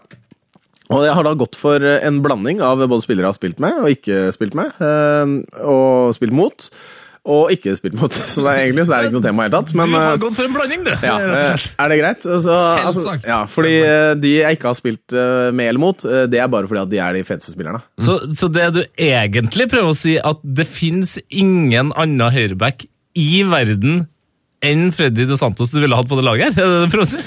Eh, ja, for det, er jo, det er jo en del kriterier for hva som skal til for å komme på dette laget her. Og det er ingen høyrebacker som i den grad har, har bemerka seg nok, om man kan si det sånn. Okay. Vi begynner i mål. Det er Pa Dembo Toray. Oh, Om dere husker han, så spilte han i Vålerenga med meg et år eller to. Han er eh, egentlig fra Gambia eh, og er 1,99 høy. Eh, han er eh, mørk, han er eh, diger. Han kaster ballen eh, med åpen hånd fra 16-meteren og inn i motstanders 16-meter. Eh, og han er kilen, og det er det aller mest gøye. Han er veldig kilen? Han er veldig, veldig kilen. Og han er altså så diger. Han er et beist av en fyr Ja, han er som er utrolig hyggelig og snill og morsom. Og han, alle burde være redd for han når du ser han, han er så diger. Men hvis du bare kiler han, så blir han som et bitte, bitte, bitte lite lam. Eh, og hvor han ligger og er slutt, eh, sånn. Og det er veldig gøy, fordi Vi brukte da åtte mann, og en dag han lå på massasjebenken, og heiv oss oppå han og kilte han. Og det er noe av det gøyeste jeg har gjort i Vålerenga-garderoben noen gang. Eh, Vi vi blei jo pælma av gårde alle åtte etter hvert, men, eh, men eh, de, det minuttet vi klarte å holde han nede og kile han, det var altså så Pricey. at Han fortjener plassen på dette laget. Men Ja, det- keeper også. Det må jeg si til alle som eh, har en, for en dårlig mandag. Så søker man på, på Dembo Turai, eh, bildesøk. Du vil få en god en. Altså, det smilet hans det smitter noe Ja. så voldsomt over på meg nå, kjenner jeg. Ja, det gjør det. Han er, han er helt nydelig, og han sier at han er den minste broren. da. Han har tre brødre. Selvfølgelig. Som, som er større. Ja, Eh, da tar vi venstrebekk da, kanskje for å utsette dette ja, høyrebekk-problemet. ja det er fint. Eh, fire ja, vi spiller eh, 4-3-1-2. ja, Ok. Eh, Jeg måtte gjøre det for å tilpasse her. Eh, Ja, det er Roberto Carlos. Jeg var innom han i stad, tenkte jeg å fortelle den drakthistorien, men den blei jo da fortalt i stad isteden. Eh, Men han dro også han, Du vet, han var veldig kjent for overstreksfinter. Han hadde sånn ikke bare én, og så gikk til høyre, han hadde sånn åtte, og så gikk han til en av sine. Og det husker jeg han gjorde på meg, og jeg endte den ene siden, og han endte den andre. Så, så han, han var bedre enn meg. Så spiller venstrebekk, da. Og så er det stopper. Det er Panser. Det er panserhagen. Ja, eh, fordi, rett og slett fordi jeg ikke tør heller. Han, hvis han hører på dette, så kommer han til å etterlyse seg selv hvis jeg har tatt noen andre. Så, og han er som sagt veldig sterk. Eh, så han spiller stopper. Eh, og så er det en som bare er med utelukkende, eller fordi han var ok spiller, også, men også stopper. Eh, utelukkende fordi han har veldig god musikksmak, eh, og det er Arnar Førsund. Arne Førsund! Husker du Arna Førsund? Om mer! Ja, ja, ja. ja, Vi, har fått, vi, får inn, vi har fått inn flere mail som mener at vi må få Arna Førsund til å være gjest her. Eh, og Han hadde jo en legendarisk bart, en legendarisk sveis, en, en stil eh, som var beundringsverdig. Altså, det er, han er altså, så gøy. Jeg har så mye fine historier om Arnar. Jeg møtte han her om dagen, og det er jo så koselig. Jeg møtte han på Legoland, av alle ting. På Legoland? ja, han var der med sine barn, og jeg med mine barn, og da møttes vi tilfeldig på en av attraksjonene. Jeg husker ikke hvilken det var. Men, men eh, nevn et par band som gjør at han har så god musikksmak. Ja, han, eh, han introduserte meg for eksempel for eh, Explosions in the Sky. Oh, det er bra band! Veldig bra band, altså. Det var Ja, det var helt knall. Og så er han jo Han er sånn typisk indie-rock-fyr. Som eh, Ja, som du blir glad. Så ikke ut som en toppidrettsutøver. Nei, han gjorde ikke det. Og så gikk han ofte barbeint. Og så kom han syklende. Jeg husker Vi, vi var skada en gang, en liten gjeng. Jeg husker det var restitusjonstrening. Skulle sykle til Ullevålseter, og litt forbi der, oppå der iallfall. Jeg og kanskje var Morten Berre og han. Og så kom vi med våre liksom vanlige DBS eh, crossykler og der. Og så kommer han med det, sånn, der, sånn gammal eh, Sånn som sånn der hipstere på sånn. Ja, ikke sant? Ja, ja, ja. Uten gir, som har sykla av der med. Eh, Kombisykkel, liksom. kombisykkel, ja, og skulle sykle opp altså, til toppen av Nordmarka. Det, var, det, altså, det var helt ubrukelig. Eh, redskap, redskap eller framkomstmiddel han hadde. Og han brukte jo vinter og vår. Eh, men like blid. Han er aldri sur. Eh, så det var Førsund må inn her. ja, Han må inn. Ja. Og ta han gjerne som gjest. Altså, jeg tror dere kommer til å kose dere i hjel. Høres bra ut. Ja, kan vi hoppe over høyrebekk? Ja, Ja. Kanskje du kan spille 3-5-2? Kanskje finner, dukker opp noe annet? Kanskje dette her ble bare tre bak? ja, det. Altså, Fredrik Dos Santos, hvis han kommer inn, han kan jo spille overalt. Ja, det er riktig. Eh, men det, da blir laget litt dårligere, da. Men ja. Eh, så er det, Jeg har en ren uh, Vålerenga-midtbane, eller Skeid slash Vålerenga. Fordi eh, Daniel Fremholm må med, fordi han er eh, den aller beste spilleren jeg noensinne har spilt med, spesielt på trening. Eh, han, Spesielt på trening. ja, altså, Det er ikke alltid han får det ut liksom 100 kamp, men det er jo en spiller på, som jeg har spilt med, som kan bare holde ballen en hel trening uten at noen klarer å ta den fra han, og det er han. Han, er helt, han er så utrolig god med ballen, og spesielt uh, så syns jeg han var ekstremt god sånn, da han var sånn 20 år. Altså, Han var helt latterlig god. Så han er med, eh, og så er han en hyggelig fyr. Eh, Og motsatt kant av disse tre på midten, det er Berre. For jeg, jeg også må ha med Berre. Er, ja, ja, det er bare fordi han er, for det er han. Ja. Men sentralt på midten, eh, den er det kanskje en som ikke er så mange som har hørt om, men han heter Henning Bjarnøy. Han ble kalt Proffen, og var liksom på midten av 80-tallet så spilte han sentral midtbane i Vålinga, Og han var, det var liksom snakk om en liten periode at han skulle til Norwich. Kanskje han var på prøvespill, jeg husker ikke. Derfor ble han kalt Proffen. Eh, og han, ikke, han måtte legge opp da han var 26 år, men det var akkurat da jeg var i min liksom, spede lille fase som åtte-niåring, tiåring, og var ballgutt på Bislett. Og eh, løp liksom rundt, og han kom ut, og liksom, ballen gikk utover sidelinja, og jeg løp og henta han. altså Jeg løp med andakt altså, når han var i nærheten. Dødsgod!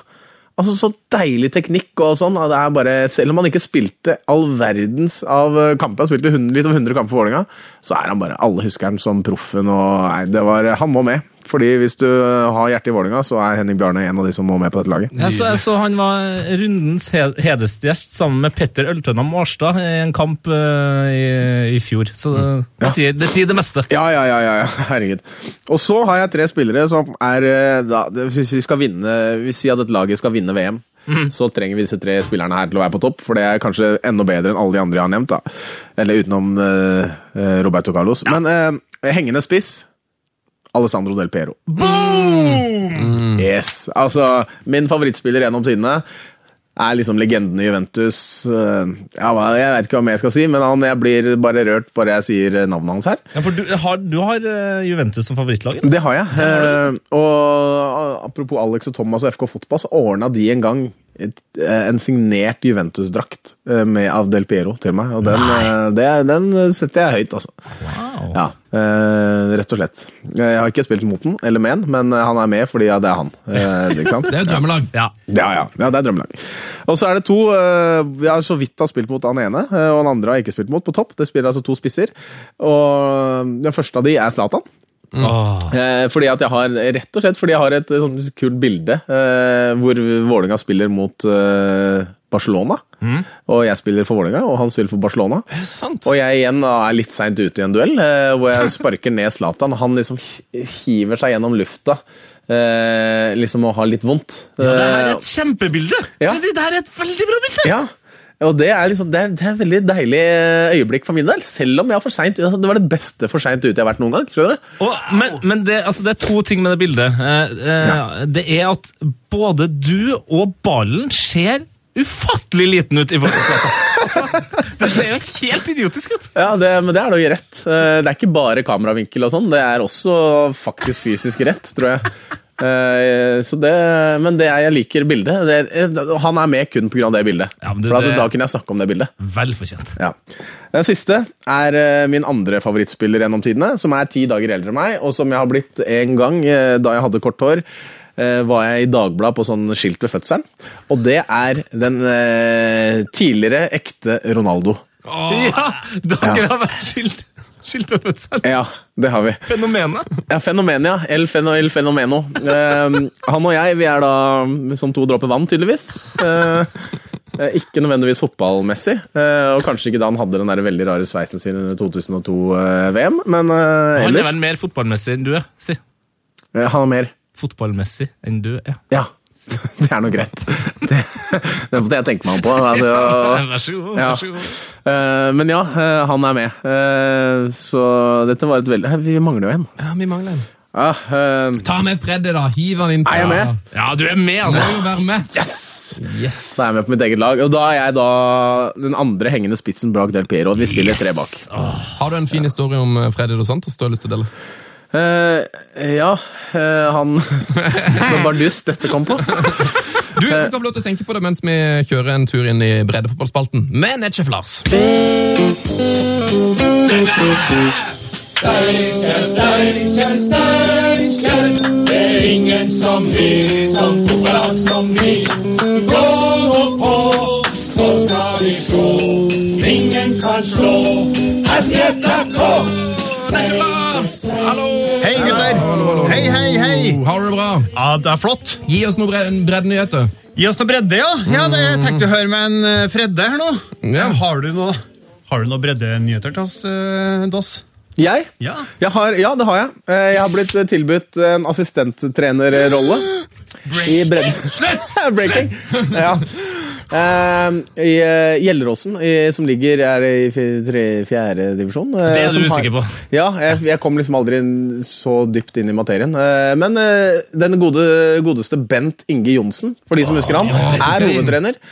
Men så er det Det var veldig kronglete å komme for meg opp dit. eh, fire ganger i uka eh, når jeg har sånn fra byen og ut der midt i rushen. Så jeg måtte dessverre eh, takke nei av eh, praktiske årsaker. Ja, ok, så det Ja. Det er kanskje det nærmeste jeg kommer. Det, det er en bra breddenyhet, da. Ja. Det er en veldig bra nyhet, og han, du har jo spilt eh, på Skeid, eh, som vi vet. Og der, de er jo kjempegode som bredde, talentutvikling osv. Vi har jo òg laga et, eh, et, en plakat eller et bilde som heter 50 Grades of Shade. Ja, vi. Det har vi. Mest for ordspillet, selvsagt, men der er det jo selvsagt med. Ja, så hyggelig. Eh, Jeg var der oppe her om dagen på Berres comeback. Ah, Det var koselig. altså Man står der, så vippen altså vippen på, jeg, har, jeg har et eget sete, forresten. Fordi jeg Har du? Ja, ja, som står liksom, og det, ligger, det er rett på setet ved siden av Per Ravn Omdal.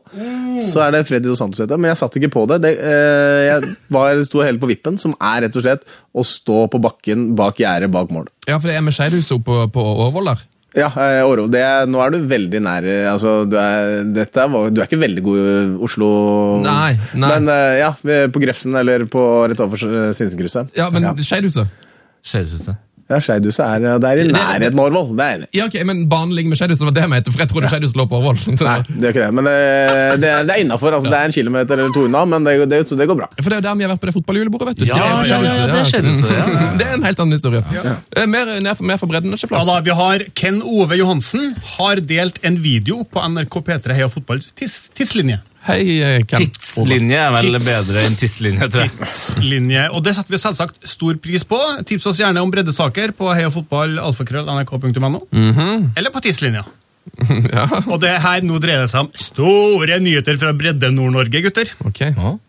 Norsk femtedivisjonsklubb signerte spiller fra Valencia. Valencia? ja? Ja, du, det der har jeg hørt om. Det har du hørt om, ja? Midtbanespilleren Alvaro Paya Guyot har spilt for de spanske storklubbene eh, Valencia, Levante og Villarreal. Nå skal han spille norsk femtedivisjon for Ringvassøy IL. Er det, er det et kvinnemenneske eh, kjærlighet i det bildet her? Det er en av to, det er enten studering eller noe kvinnemennesker. Ja. Studerer man oppi der? I Tromsø universitet, kanskje. Ah, ok. Universitetet Ringvassøy, har du ikke det? Det er jo... Eh, Ringvassøy sitt A-lag skriver Alvaro har vist seg fram på et, eh, trening med overblikk, pasningskvalitet og et rivende ønske om å spille fotball, ikke sparke fotball. Ja. Eh, Som de tydeligvis gjør oppi der da, fra før av. Eh, han vil gjøre sin debut mot Skognes OL på lørdag. Ja, det er bare å kjenne sin besøkelsestid, det. Og eh, vi har gjort litt research, fordi Ringmåsøy har lagt ut et videointervju med spilleren på Facebook-sida si, der de annet snakker om Alvaros første kamp nå til helga. Eh, kampen spilles på grusbane, eh, og det er litt artig da når intervjueren ikke husker helt det engelske ordet for grus. Nei. Altså gravel. Gravel. Eh, det finner han ikke. Eh, men han finner det nærmeste ordet han kommer på. Eh, så ikke nok med at eh, han spanjolen syns det er veldig kaldt i Troms, men han òg blir lurt til å tro at de skal spille på stein. Ah, Stone pitch? Se for meg at de skal spille opp på et, fjell eller et pukkverk eller et eller annet. Men eh, vi har plukka fram et klipp her eh, med intervjuet. Så So høre. let's talk about your first game. It will be on Saturday, I think. Yeah, we'll Yeah. be on Saturday. Uh, do you know what condi- conditions uh, you're playing at on Saturday? Uh, you have um, you have grass. You can play on grass, Yeah, or you can play on artificial grass. yeah, On Saturday, we're playing on. on grass. No, how can I say it? It's um, I don't know what it says. Uh, it's stone. It's stone. Yeah, it's really. it's uh, we call it grus. Au, au, au. Har du spilt på noe så ille som stein, eh, Freddy? Uh, ren stein? eh, antageligvis ikke, altså. Det høres litt ut som altså, Men det vet- han har jo på en måte vært i Norge nå sikkert liten stund og har sett liksom eh, strand, eller altså stranda. Så han liksom bare spiller i fjæra, liksom. Men du vet at i, i kunstgressets spede begynnelse så var jo grus bedre enn kunstgress. Oh, ja, ja. Når det var filt på asfalt. Eh, og så Det var vondt. Og så veldig mye sånn saltaktig sand. Altså Ja. Det var veldig sånn stor, stor sand oppå, oppå kunstgresset. Ja, og det ga brannsår, og det var jo Ja, åh. Nå er det mange som eh, her i studio i hvert fall som husker tilbake. Uff, det, er, å, det er vondt. Mer for bredden, Nesje Flats. eller? That's it for me. Ja, det var strålende. Takk til strålende. det. Ja, veldig godt. Um, Adios! Ha det! Heia fotball! Ja, der var han. Der var han, Flats. Sjef Lars, vet Lars Eh, det begynner å nærme seg Glory Hall, men jeg tror vi rekker et par små lytterspørsmål. Og så var det jo deadline det i går. Ja, det var deadline i går. Og jeg, Kanskje vi må snakke litt om det òg? ja, jeg, jeg, kan jeg ta en sånn Jeg skal prøve på en utrolig kjapp oppsummering av deadline, og så kan vi eventuelt snakke om det som er mest interessant. okay, etterpå. Ja, ja, uh. Ehm, skal vi se jeg skal, altså, Nå skal jeg virkelig prøve på mitt altså, Det her er litt som Freddy i The Players, altså. Mm. Ok, greit. Henriksen til Hull, David Louis tilbake til Chelsea. Hall Robson nå har endelig fått seg klubb. Wilshere til Bournemouth, Sissoko til Spurs, Ulvestad fra Premier League til League One, Balo til den franske solkysten, Store Slimani til Leicester, Store Tunge Joselu til Deportivo La Coronia, Bruno Martis Indi på land til Stoke, Quadrado på landetur tilbake til Italia og Juventus. Hall Robson nå har endelig fått seg klubb. Arbeloa til Westham, Ezekiel Goray på lån til Valencia, City låner ut Boni, Nasri Hart og Mangala, Sarge Nabri til Veide Bremen, Sender oss til Rangers og Real Madrid og Barcelona har nesten ikke gjort noe som helst.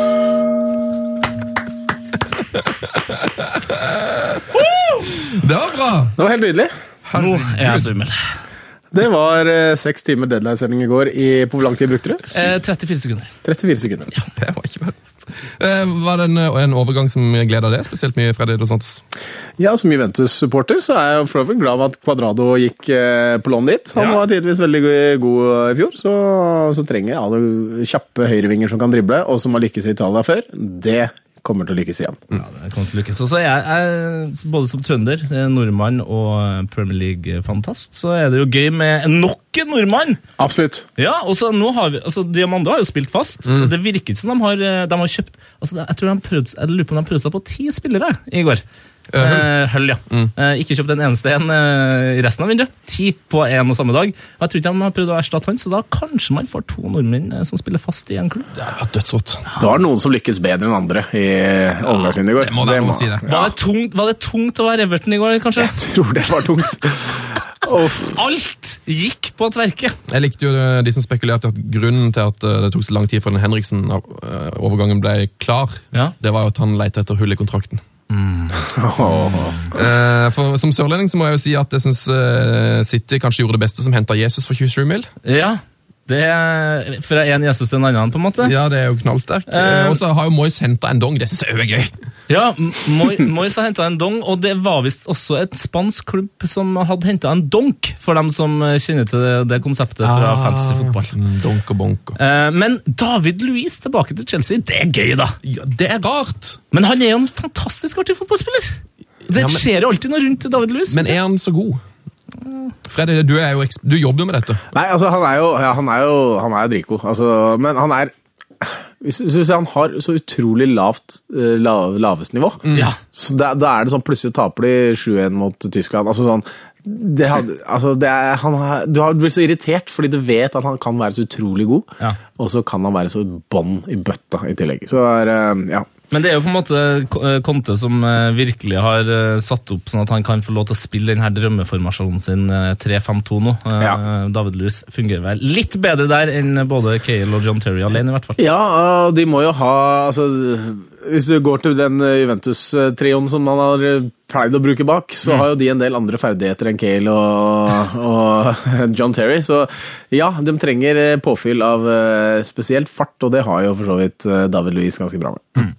Lytterspørsmål fra Hans Majestet. Ganske kritisk, vil jeg si. Ja. Det går til det, Freddy. Ja. Hva synes du om Heia Fotball sine endringer, hvor poddene omtrent bare består av lange intervjuer?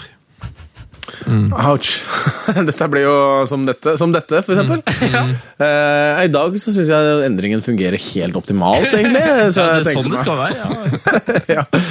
Eh, Men dere kan jo lage dobbeltpod. Dere kan både ha intervjupod og sånn tradisjonell gammelpod i tillegg. Så Ja. kan dere, det blir dobbelt jobb for dere, da, men eh, det blir sikkert eh, sjefen deres glad for. Du, Det her er kjempebra for oss at en TV 2-profil har sagt det her, så vi kan bringe det videre til sjefene våre. Tusen Ja. hjertelig takk, Freddy. Ja, jeg er jo som sagt ansatt, eller jeg har ikke skrevet under på kontrakten, hvor ble de papirene her borte? Men ja. Eh, hvis du der ute har noe kritikk til oss, så er vi veldig åpne for det. Eh, og det aller beste da, det er å gå inn i iTunes og så kommentere på podkasten. Ja. Gi oss stjerner, si hva du mener der. Det setter vi veldig stor pris på. Gi gjerne fem stjerner, selv om du vil si at uh, nå er det nok. på en måte. Det er jo det beste. um, Kan vi bare kjapt gratulere igjen uh, Robson eh, Kanu med klubb? Han Ja. skal, altså- han, det er West Brom, altså. Kanu er tilbake i Premier League. det er rått for han. Vært uten klubb. Ja. Noen har liksom ni liv, Ja, og han er en sånn. Han ene. Vi har fått inn veldig veldig mange lytterspørsmål om eh, straffen mot Brygge. Freddy. Jeg vet at du sier at det er noe av det verste som har skjedd i ditt liv, og du aldri vil glemme det, så det skal vi ikke snakke om. Eh, Bare fikk nevnt det, så holder det. Yes, eh, Men Dan Banan 92 spør spiller han Fantasy. Og hvor bra gjør han det? Eh, nei, altså jeg, har, jeg spiller uh, ikke fancy. Du spiller ikke fancy? Nei, jeg gjør ikke det. Og jeg, jeg irriterer meg litt over at jeg ikke gjør det. Fordi, men samtidig så er jeg For jeg holder på med tippeligamanager, mm. Uh, ja. Og da er det eh, Jeg er sånn der ekstremt ivrig i tre runder, og så glemmer jeg det. Eh, Oi, fader. Og så er du liksom så akterutseilt, og så sitter Jesper Mathisen her og er irriterende mange poeng, og så. Og da, og da faller jeg ut, så jeg har ikke begynt. Jo, det er en ærlig sak. Det er en ærlig sak. Du, jeg tror vi skal gå til vår uh, Glory Hall.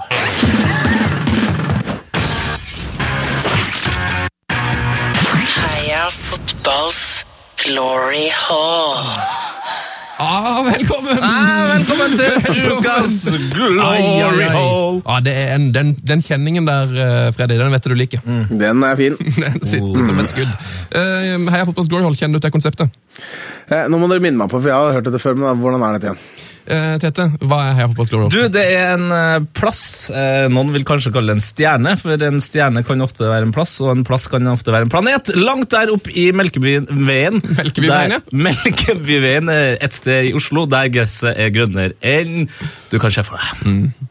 Det er stedet hvor vi hyller våre favorittspillere. Det er det også. ja. Og mm, hvem er det som er der? Maldini er der. Maldini er der. Arne Skeie. Jeg tror også besteforeldrene til Flo-familien er. Ja da, ja da. Hvis ikke det også det er oldeforeldre vi skal til. Det er godt mulig. Eh, Er Batistuta der? Batistuta er der. Freddy de Santos er ikke der. Um... Det er i så fall en skandale. Ja. Ja, jeg klarer å leve med det. Ja. Men eh, jeg regner med å komme dit i løpet av Når mine døtre da blir så gode som det de kommer til å bli, så blir jeg altså sånn type sånn Flo-besteforeldre.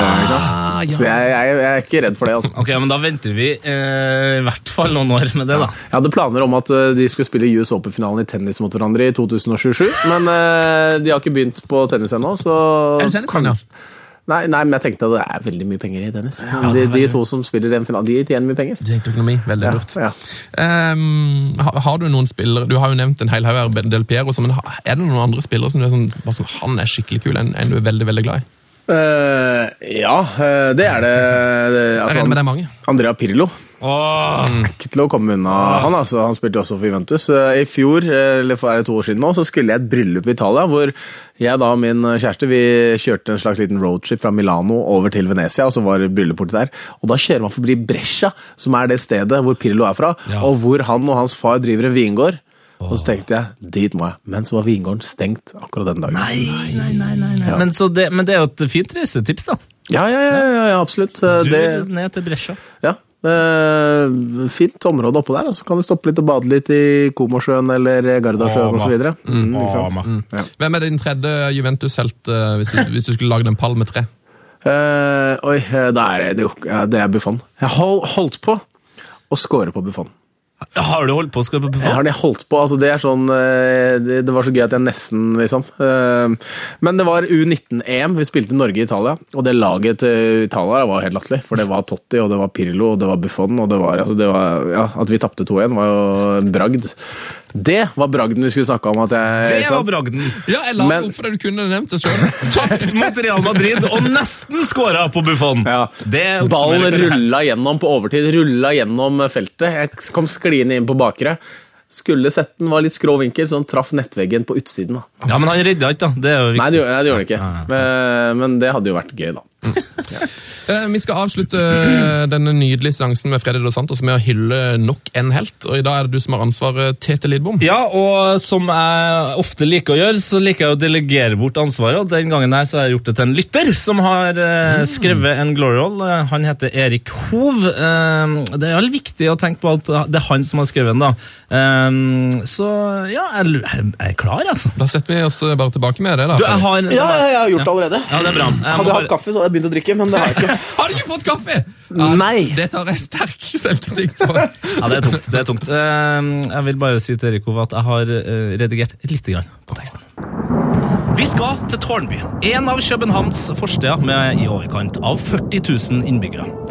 Som med unntak av å være fødested for ukas delikatesse av en gloryholder, er mest kjent for å bygge bro mellom våre tidligere unionsfeller Danmark og Sverige. Øresundsbrua, eller bare Broen, om du vil. Personlig så fikk jeg en sterk opplevelse med denne unge, Fremadstormende mannen som egenhendig vendte eh, om min ekskjæreste for å være United-fan. Vi skal tilbake til 9. mars 2010. Han hadde allerede annonsert at han skulle bli the top scorer in the Premier League and the top scorer in the World Cup. Og within four years be among the best strikers in the world. Han hadde allerede blitt dratt ut av et utested i London med buksa ned på knærne, allerede rukket å krasje en Aston Martin på vei til treningsfeltet, og allerede rukket å annonsere sin neste klubb, Aida Barcelona og Real Madrid. Offensivt, vil noen tenke. Men denne hustre marskvelden ble vi overbevist. 5-0 i returoppgjøret mot Porto etter å ha tapt 2-1 i Portugal. 16-delsfinale i Champions League hjemme på The Emirates Stadium. Fra hat tricket ble sluttført i det 90. minutt, runga Sup- Super Super Nick-sangen ut fra alle kanter, fra Finsbury Park til hotellrommet i Hyde Park. Altså gjennom hele London by. Birgitte var nå Arsenal-supporter, men kanskje mest av alt Niklas-fan. Niklas Bentner! Lord Bentner! Myten Niklas Bentner. Det ble aldri Barcelona eller Real Madrid. Men utlån til Birmingham, Sunderland og Juventus, hvor han ble brukt som spiss, selv om målstatistikken kanskje tilsa at eh, Niklas nå hadde blitt keeper, i beste fall venstreback. Så gikk turen til Wolfsburg. Permanent på liksom. For nå er han frigitt fra kontrakten. Ståle, can you hear me? Ståle, can you hear me? Den må det være. er litt av en helt. Ja, han er Har du noen gang krasja en bil på vei til treningsfeltet? Eh, ikke på vei til treningsfelt. Jo, faktisk rygga innpå en, en stein på Skeidbanen eh, i sin tid. Eh, Jeg har eh, bare krasja bakover, og en gang også når jeg sovna ved rattet. Men uh, ja. Oi! Til verden. Ja, traff vi inn på noe. Niklas Bentner, da, det verdsetter du hans bidrag til fotballhistorien? ja da, fikk gjort det kjedeligere. Nei! Men uh, det er ikke noe som kommer til å skrives med gullskrift, da. Freddy Dos Santos, eh, tida er i ferd med å løpe fra oss. Uh, du må ha en fin fotballhelg. Har du noen morsomme planer for helga? Jeg skal på landskamp da, på søndag. Ja, ja, ja Norge-Tyskland. Herregud, det har vi ikke snakka om! Nei. Det er greit. Nei, Kanskje for at vi, vi prøvde å holde stemninga opp her. Ja, Vi har så mye annet gøy å snakke om. Strålende, Freddy. Ja, likeså. Eh, god helg og heia fotball. Heia fotball. Heia God fotball. Frank de Boer speelt de bal. Heel goed naar Dennis Bergkamp. Dennis Bergkamp. Dennis Bergkamp neemt de bal aan. Dennis Bergkamp. Dennis Bergkamp. Dennis Bergkamp. Dennis Bergkamp. Dennis Bergkamp. Oh! Frank de Boer speelt de bal naar Dennis Bergkamp. Die neemt de bal feilloos aan. En ik schiet de bal erin. We spelen nog officieel 20 seconden. Dennis Bergkamp. P3s Heia fotball. Ny episode hver fredag. Last ned din nye favorittpodkast på p3.no. Podkast. P3.